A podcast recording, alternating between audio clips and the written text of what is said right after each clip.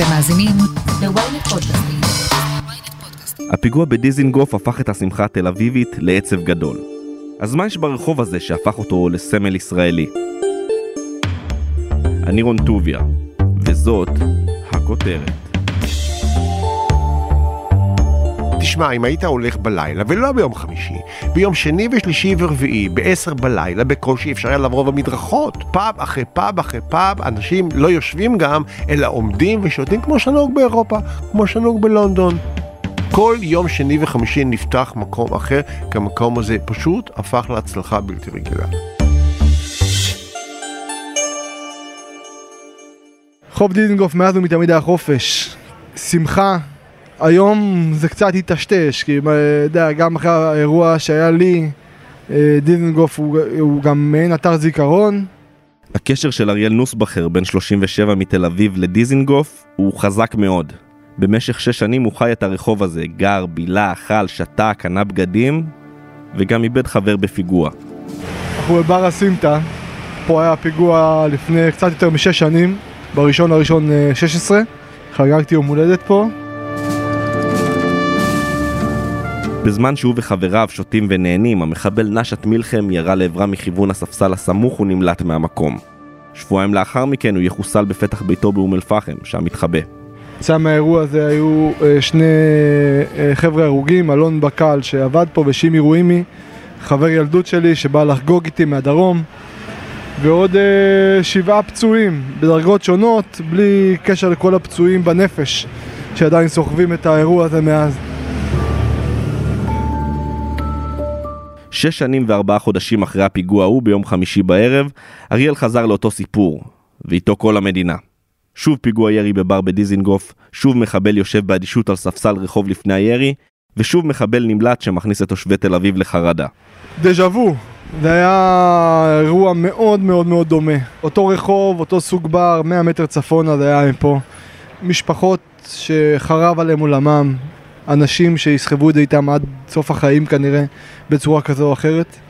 פלשבק, המון טלפונים, המון אה, חברים שהתקשרו לשאול אם אני בסדר, אם אני לא הייתי שם, ומה הייתי מבחינת, אה, מבחינה נפשית, איך לקחתי את זה. חברים מאתמול, שאלו אותי "אה, איך לא הייתם חמושים. מי שיוצא לבלות בדיזינגוף ביום חמישי בערב אחרי שבוע של עבודה סיזיפית ורוצה רק להתפרק, לא חושב על לקחת אקדח ולשתות פחות כי אולי יבוא מחבל לדיזינגוף. הפיגוע בפאב הסימטה שבו נפצע אריאל, כמו כל פיגוע ברחוב דיזינגוף מאז שנות ה-90, נחרט בתודעה הציבורית. פיגוע בלב ליבה של תל אביב וברחוב המרכזי שלה, שחקוק בתרבות הישראלית לנצח נצחים, מעורר משהו בסנטימנט הלאומי.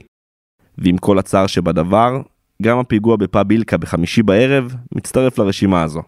הרחוב הכי מפורסם בארץ זה רחוב דיזינגוף. אז ברור שאם מפגע רוצה לעשות פיגוע ורוצה לעשות שייכנס לתודעה ולא ישכחו אותו, יעשה את זה ברחוב הכי חשוב, כי באים שם הכי הרבה אנשים והמשמעות של הפיגוע הזה תהיה הרבה יותר חזקה. זה אילן שחורי, בעברו עיתונאי והיום מורה דרך והיסטוריון לא רשמי של העיר תל אביב. ואם יש מישהו שיודע לספר איך הפך רחוב דיזינגוף לסמל ישראלי ואיקוני, זה אילן. מי שאחראי לרחוב דיזינגוף מכל הכיוונים שלו, זה מאיר דיזנגוף ראש העירייה. ב-1926 הגיע לתכנן את האוניברסיטה העברית בהר הצופים, אדריכל סקוטי בשם פטרי גדס. דיזנגוף מזמין אותו לתכנן את תל אביב צפונה, כי הוא מאמין שבעוד 20 שנה יהיו פה אולי 50 אלף איש, ברור שהיה פי חמש אחר כך. ואז גדס, שהיה בעצם לא רק מתכנן ערים, היה גם פילוסוף, היה המון דברים, מתכנן את תל אביב כשתי הארץ, קובע את הצירים המרכזיים שלהם במפות, וקובע אה, ציר של רחוב שבעצם חוצה את תל אביב מדרום לצפון, ונותן לו במפות שם רחוב 187. ולא נוגעים בו. הציר הזה היה ריק ונטוש, רובו מלא חולות ומעט פרדסים. רק בקצה הצפוני שלו, על גדות הירקון, הוקם בשנת 1932 אצטדיון המכבייה. שנתיים לאחר מכן הצטרף לשם גם יריד המזרח שעבר משכונת נווה שאנן, והרחוב הפך לדרך המרכזית מדרום העיר לאתרים המרכזיים שבשפח הירקון על שפת הים התיכון.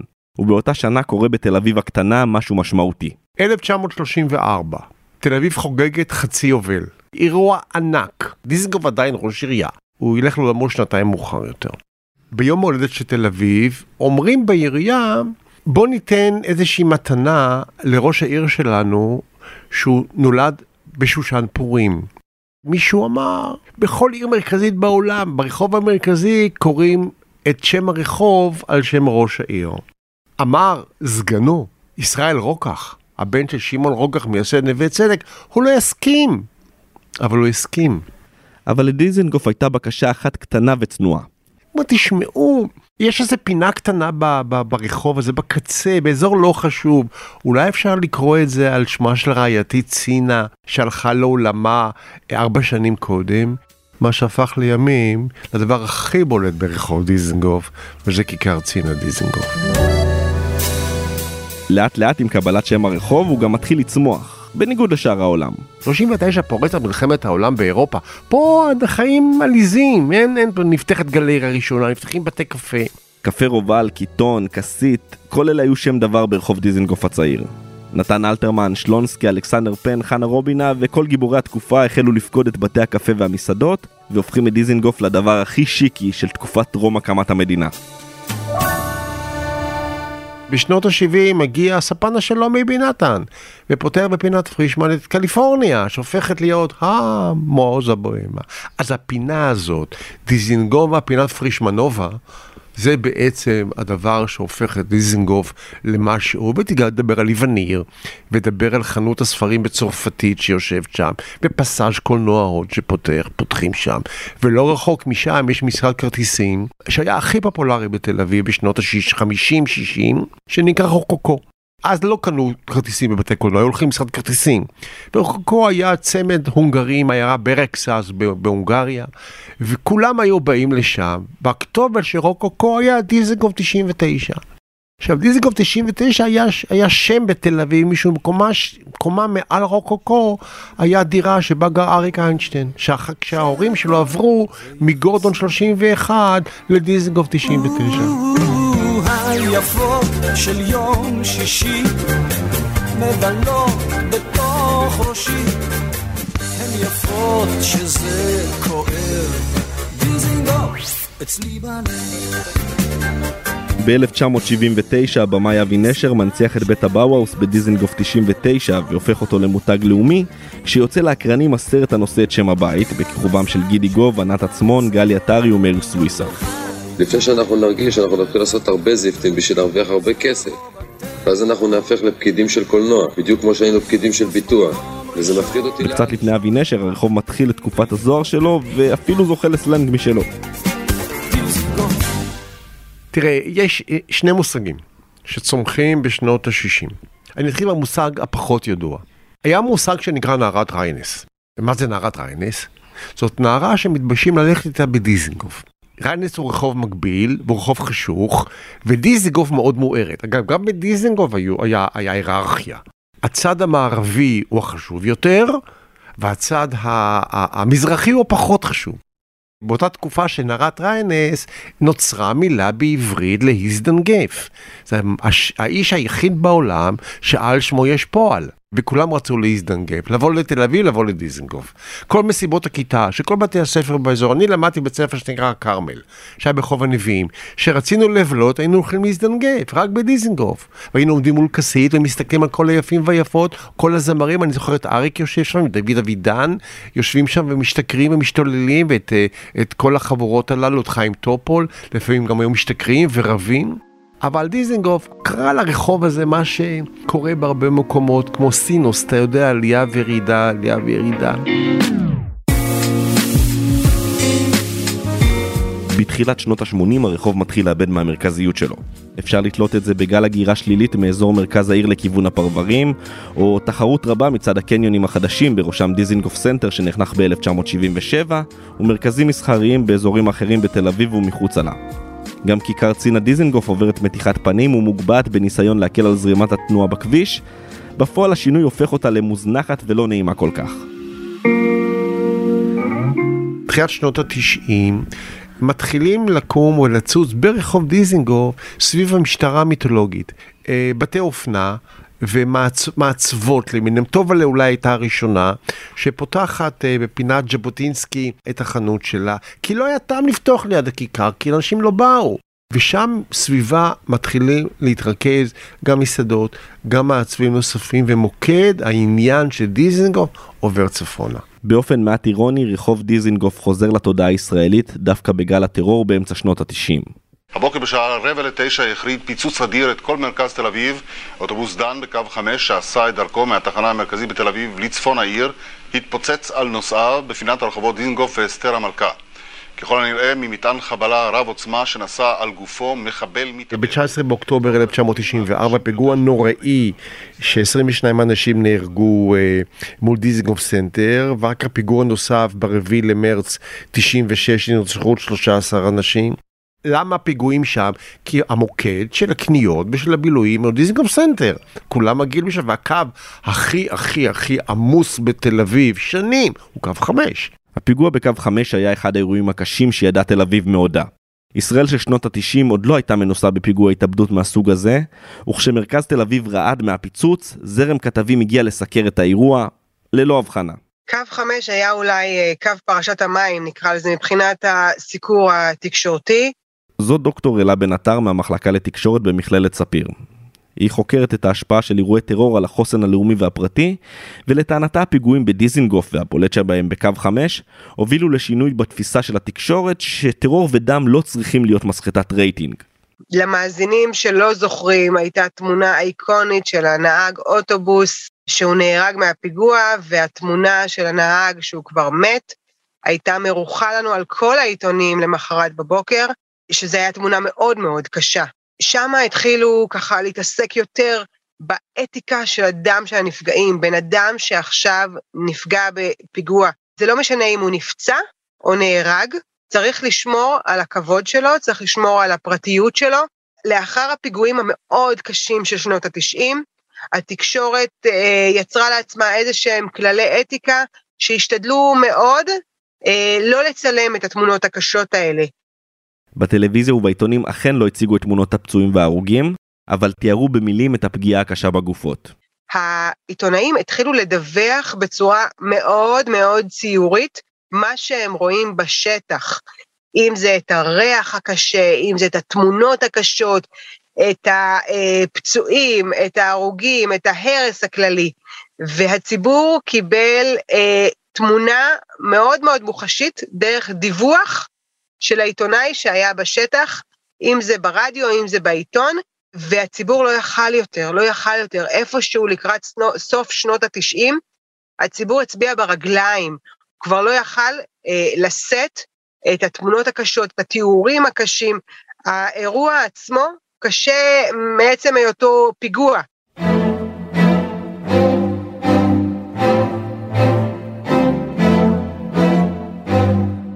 בפיגוע בחמישי האחרון נחצו גבולות בסיקור התקשורתי, אין כאן מקום לספק. אפשר לומר שזרם הכתבים שמתגוררים בסמוך לרחוב הכי מרכזי בישראל והבלגן של המשטרה בניהול האירוע עצמו הובילו לתמונות קשות בערוצי הטלוויזיה במרדף אחר המחבל ומתוך זירת האירוע עצמה. למען הגילוי הנאות, במשדר המיוחד שלנו בוויינט, כתבינו דיווחו מהרחוב, אבל לא הצטרפו לכוחות הביטחון במרדף בתוך הבניינים הסמוכים. ביום שישי דובר צה"ל, המשטרה והשב"כ פרסמו הודעה משותפת חריגה והגדירו את שידורי חלק מכלי התקשורת כריאליטי של ממש, ללא צנזורה או ביקורת עצמית. הפיגועים האלה הם פיגועים קשים, והתקשורת היא כל הזמן מתקדמת uh, במרדף אחרי הרייטינג, כל פעם נותנים לציבור עוד ועוד ועוד. היום אנחנו לא נמצאים באותו מקום של שנות התשעים. היום כל אחד מאיתנו, כל אזרח הוא בעצם כתב, כל אחד עם סמארטפון יכול לתעד ולעלות לרשתות החברתיות. הפיגוע ביום חמישי בערב עבר במסכי הטלוויזיה אה, סוג של אה, ריאליטי, אה, ריאליטי טרור. הכתבים אה, אמרו לתושבים, תישארו בבית, זה ההנחיות של המשטרה, אבל בעצם בעובדה שאנשים נכנסו הביתה, סגרו את החלונות, סגרו את הדלת, האנשים התל אביבים, הם פתחו את המסך, ומה שהם ראו זה פשוט שידורים של, אה, נקרא לזה אפילו סוג של פאודה. והדבר הזה, לטעמי, פגע מאוד בחוסן של הצופים, גם של האנשים שגרים בתל אביב וגם של שאר האנשים בכל אה, חלקי הארץ. הלופים החוזרים של אותו דבר, של אירוע שעוד לא הסתיים, ומעבר לזה, הייתה תחושה שהתקשורת קצת פוגעת בפעילות של כוחות הביטחון. כן, אה, ניר, אם אנחנו רוצים רגע לנסות לחדד את הנקודה על אה, זהותו של המחבל, אז אני יכול להגיד לך שממש לפני משהו כמו פחות מעשר דקות אני הייתי עד אה, כאן למפגש בין מספר חוקרי שב"כ ולוחמי ימ"מ לבין אחד מבעלי העסקים שנמצא כאן באזור, שהראה להם את... במשך כמה שעות האירוע עוד לא הסתיים. אה, מבחינתנו אירוע מסתיים שהמחבל נתפס. כמה שעות האירוע הזה לא הסתיים וזה יצר אה, דרמה ומתח וחרדה מאוד גדולים. דבר שני, הרשתות החברתיות, כולנו מצוידים בפלאפון, כל, כל מי שהיה באזור התחיל לצלם והרשת הוצפה בסרטונים בלי צנזורה של דברים לא פשוטים. והעיתונאים שהיו בשטח היו חייבים לעמוד בקצב של ההתרחשות ובקצב של הסיקור האזרחי שנעשה לאירוע דרך הרשתות החברתיות, ואולי נקרא לזה אה, חצו את הקו. לדעתי התקשורת הממוסדת צריכה להיות המבוגר האחראי, ולהגיד, יש תמונות קשות, הם לא יתרמו פה לציבור, הם לא יתרמו למשפחות של הנפגעים, למשפחות ש, שנמצאות עכשיו בבית בחרדה, יש פה תמונות מאוד קשות, אבל אני המבוגר האחראי. באמת את מדברת כאן על הרשתות החברתיות. אה, הפיגוע באילקה לא היה חריג לעומת פיגועים אחרים, שבהם אנחנו רואים סרטונים של רגע הפיגוע עוברים בוואטסאפ, אה, בטלגרם וכדומה, ומשם לכלי התקשורת. יש כאן איזה אולי ניסיון של התקשורת, אפילו אולי ניסיון לא מודע, לנצח במיידיות את הרשתות החברתיות. נכון, זאת הבעיה הקשה, שהרשתות החברתיות מנצחות במשחק הזה. גם בפיגוע הזה בדיזנגוף קיבלנו את הסרטוני אה, אבטחה מכל המקומות, הסרטונים של המצלמות אבטחה, קיבלנו אותם בוואטסאפ. גם בפיגוע בבאר שבע, הסרטון שרץ זה הסרטון של התחנה, של המצלמת אבטחה של התחנת דלק. אני חושבת שאנחנו מדברים פה הרבה על התקשורת, אבל חשוב לשים על השולחן את האחריות האישית של כל אחד מאיתנו. כל אחד מאיתנו שמקבל את הסרטונים האלה, אליו לוואטסאפ, שיעצור שנייה, יחשוב, רגע, האם זה באמת הכרחי להפיץ את הסרטון הזה? הסרטונים האלה מתגלגלים לכל מיני אנשים, ולצערי הרב, הרבה פעמים הסרטונים האלה מתגלגלים למשפחות של הנפגעים. ותארו לעצמכם, תחשבו על המשפחות שלכם, חס וחלילה, חס ושלום, שככה הם אה, יקבלו את הבשורה המרה.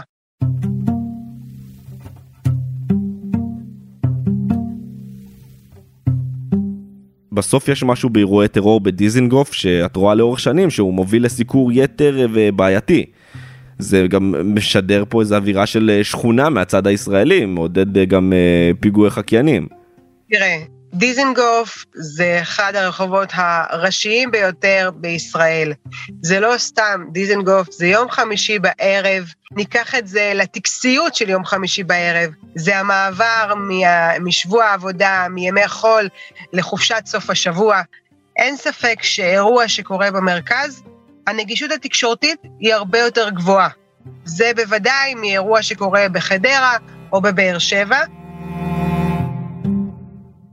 ברגע שיש אה, סרטונים של פגיעה ביהודים, זה יוצר השראה, יוצר מוטיבציה למפגעים נוספים. ככל שהאירוע מצליח יותר במרכאות, כמובן, אה, יש פה מוטיבציה למפגעים נוספים לצאת. רחוב דיזנגוף זה רחוב ראשי בישראל שכולם מכירים, מי שגר בתל אביב ומי שלא גר בתל אביב. אני חושבת שאנחנו צריכים לשים לב שאנחנו לא נותנים מוטיבציה למפגעים לאירועים נוספים. ושאנחנו נכנס, נסחפים לתיאטרון הטרור, זה יוצר אה, אצלנו כצופים תחושות מאוד לא טובות של חרדה, של טראומה, ובצד השני, תחושות הצלחה.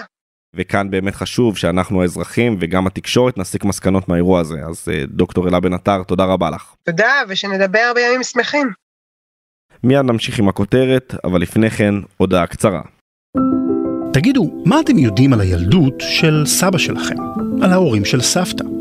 לא הרבה, סביר להניח.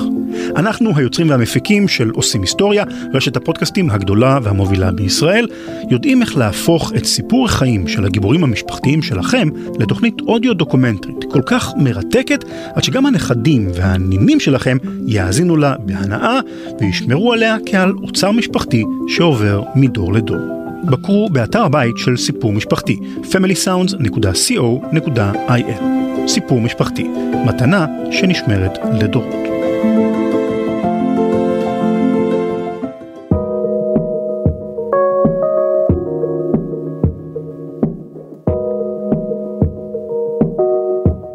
דיזינגוף הוא כאמור הרחוב של ישראל, ואי אפשר לסיים את הפרק בטעם מר, אז ברשותכם קצת פרובינציאליות אישית. אני גר ברחוב מקביל לדיזינגוף, בכל יום אני עובר שם, אם זה בקפה נחת או שניצל בקיטון, אם זה דייט באוזן פיל או פיצה מנחמת בברוקלין, אם זה מסגרת לתמונה בפוטו פראג' או חולצה עם הדפס מטופש בפונגו, סרט בקולנוע חן או סתם ישיבה בכיכר עם חברים. דיזינגוף בשבילי ובשביל רבים אחרים הוא עולם ומלואו. ואם שואלים את אילן, זה ממש לא מובן מאליו. חולדאי שהיה ראש עיר טוב, הצליח אה, לחדש את העיר הזאת בהמון אלמנטים, ויצר מוקדים לצעירים, והתחילו לבוא פה אנשים לגור, אם הם גרו בפלורנטין, אז הבילוי הוא בפלורנטין ובדיזינגוף. הרחוב הזה התחיל להתחדש בערך מדיזינגוף סנטר צפונה לכיוון הכיכר ובהמשך צפונה לכיוון רחוב גורדון. ונפתחו עשרות אם לא מאות אתרים של האכלה, בתי קפה ופאבים. תשמע, אם היית הולך בלילה, ולא ביום חמישי, ביום שני ושלישי ורביעי, בעשר בלילה, בקושי אפשר היה לעבור במדרכות. פאב אחרי פאב אחרי פאב, אנשים לא יושבים גם, אלא עומדים ושותים כמו שנהוג באירופה, כמו שנהוג בלונדון. אומנם לא אחרי עבודה בחמש, אלא בעשר בלילה, ותמיד שמח, תמיד אתה היית עובר ממש חגיגה, בסך הכל שותים קפה. כל יום שני וחמישי נפתח מקום אחר, כי המקום הזה פשוט הפך להצלחה בלתי רגילה. אילן שחורי, תודה רבה לך. תודה רבה. ובחזרה לאריאל. גם אחרי הפיגוע הוא המשיך להתגורר ולבלות בדיזינגוף. למרות הפציעה, למרות שאיבד חבר, למרות הצלקת שנשארה בנפש. כי את הלב של דיזינגוף, שום דבר לא יכול לעצור. כן, ישבתי פה עוד uh, כמעט כל יום מאז הפיגוע, עד שעזבתי את האזור. אנשים לוקחים את זה לשני צדדים, או לא להגיע למקום יותר, או לחזור לשם כי זה בעצם סגירת מעגל, או ריפוי, או אלף ואחת דברים. אז אני הייתי מאלה שהגיעו חזרה, וחזרו וישבו, וישבתי עם חברים פה תמיד. נראה לי שהמשכתי הלאה, עם כמה שאפשר להמשיך הלאה. אתה לוקח איתך את הצלקות ואת הזה ואת ה... אני אגיד את זה בצורה הכי פשוטה, מחבק אותם ולוקח אותם ואומר, טוב, היינו לוחמים בצבא, אנחנו יודעים מה זה זה, אמנם זה באמצע דיזנגוף ואי אפשר להתכונן לפיגוע באמצע דיזנגוף. ממשיכים קדימה, לא נותנים לנצח אותנו ולהשתלט עלינו, זה עצוב מאוד, זה ליבי עם המשפחות, שולח תנחומים לכל המשפחות וחיזוקים לפצועים. זה לא משנה אם אתה מוגדר פצוע בינוני או פצוע קשה, כי חטפת כדור או נקטעה לך רגל או שאתה פצוע בנפש ולוקח איתך צלקות עד סוף החיים, כאחד שהיה שם. הפיגוע באילקה ביום חמישי הצטרף כאמור לרשימה מפוקפקת של פיגועים שנחרטו בלב התודעה הישראלית. אבל אני יכול להבטיח לכם, הימים יעברו, השמש האביבית תעלה מעל שמי תל אביב, והרחוב הכי ישראלי שיש, יחזור לשאננות של עצמו ולחגיגות בברים המלאים בכל ערב. איך אמר פעם הכדורסלן אדי גורדון במשפט שנחקק על קירות פאב הסמטה לאחר הפיגוע ב-2016? יש בנו אהבה, והיא תנצח. יש בנו אהבה והיא תנצח, חד משמעית. עד כאן הכותרת להפעם. אתם מוזמנים לעקוב אחרינו ב ynet או איפה שאתם שומעים את הפודקאסטים שלכם. אם זה קורה ב Spotify או ב Apple Podcast, אתם גם מוזמנים לדרג אותנו ולהאזין לפרקים נוספים שלנו על גל הטרור. חפשו את הפרק למה הרמדאן מאיר את כל השדים. כתבו לנו מה דעתכם על הפרק בקבוצת הפייסבוק שלנו פודקאסט להמונים ואתם גם מוזמנים לכתוב לי בטוויטר וכמובן אל תשכחו לשלוח את הפרק לחבר שעדיין לא שמע את הכותרת של היום. את הפרק ערכתי ביחד עם גיא סלם, על הסאונד ניסו עזרן, סיון חילאי ועטילה שומפלבי חברים בצוות הכותרת. אני רון טוביה, נשתמע בפעם הבאה.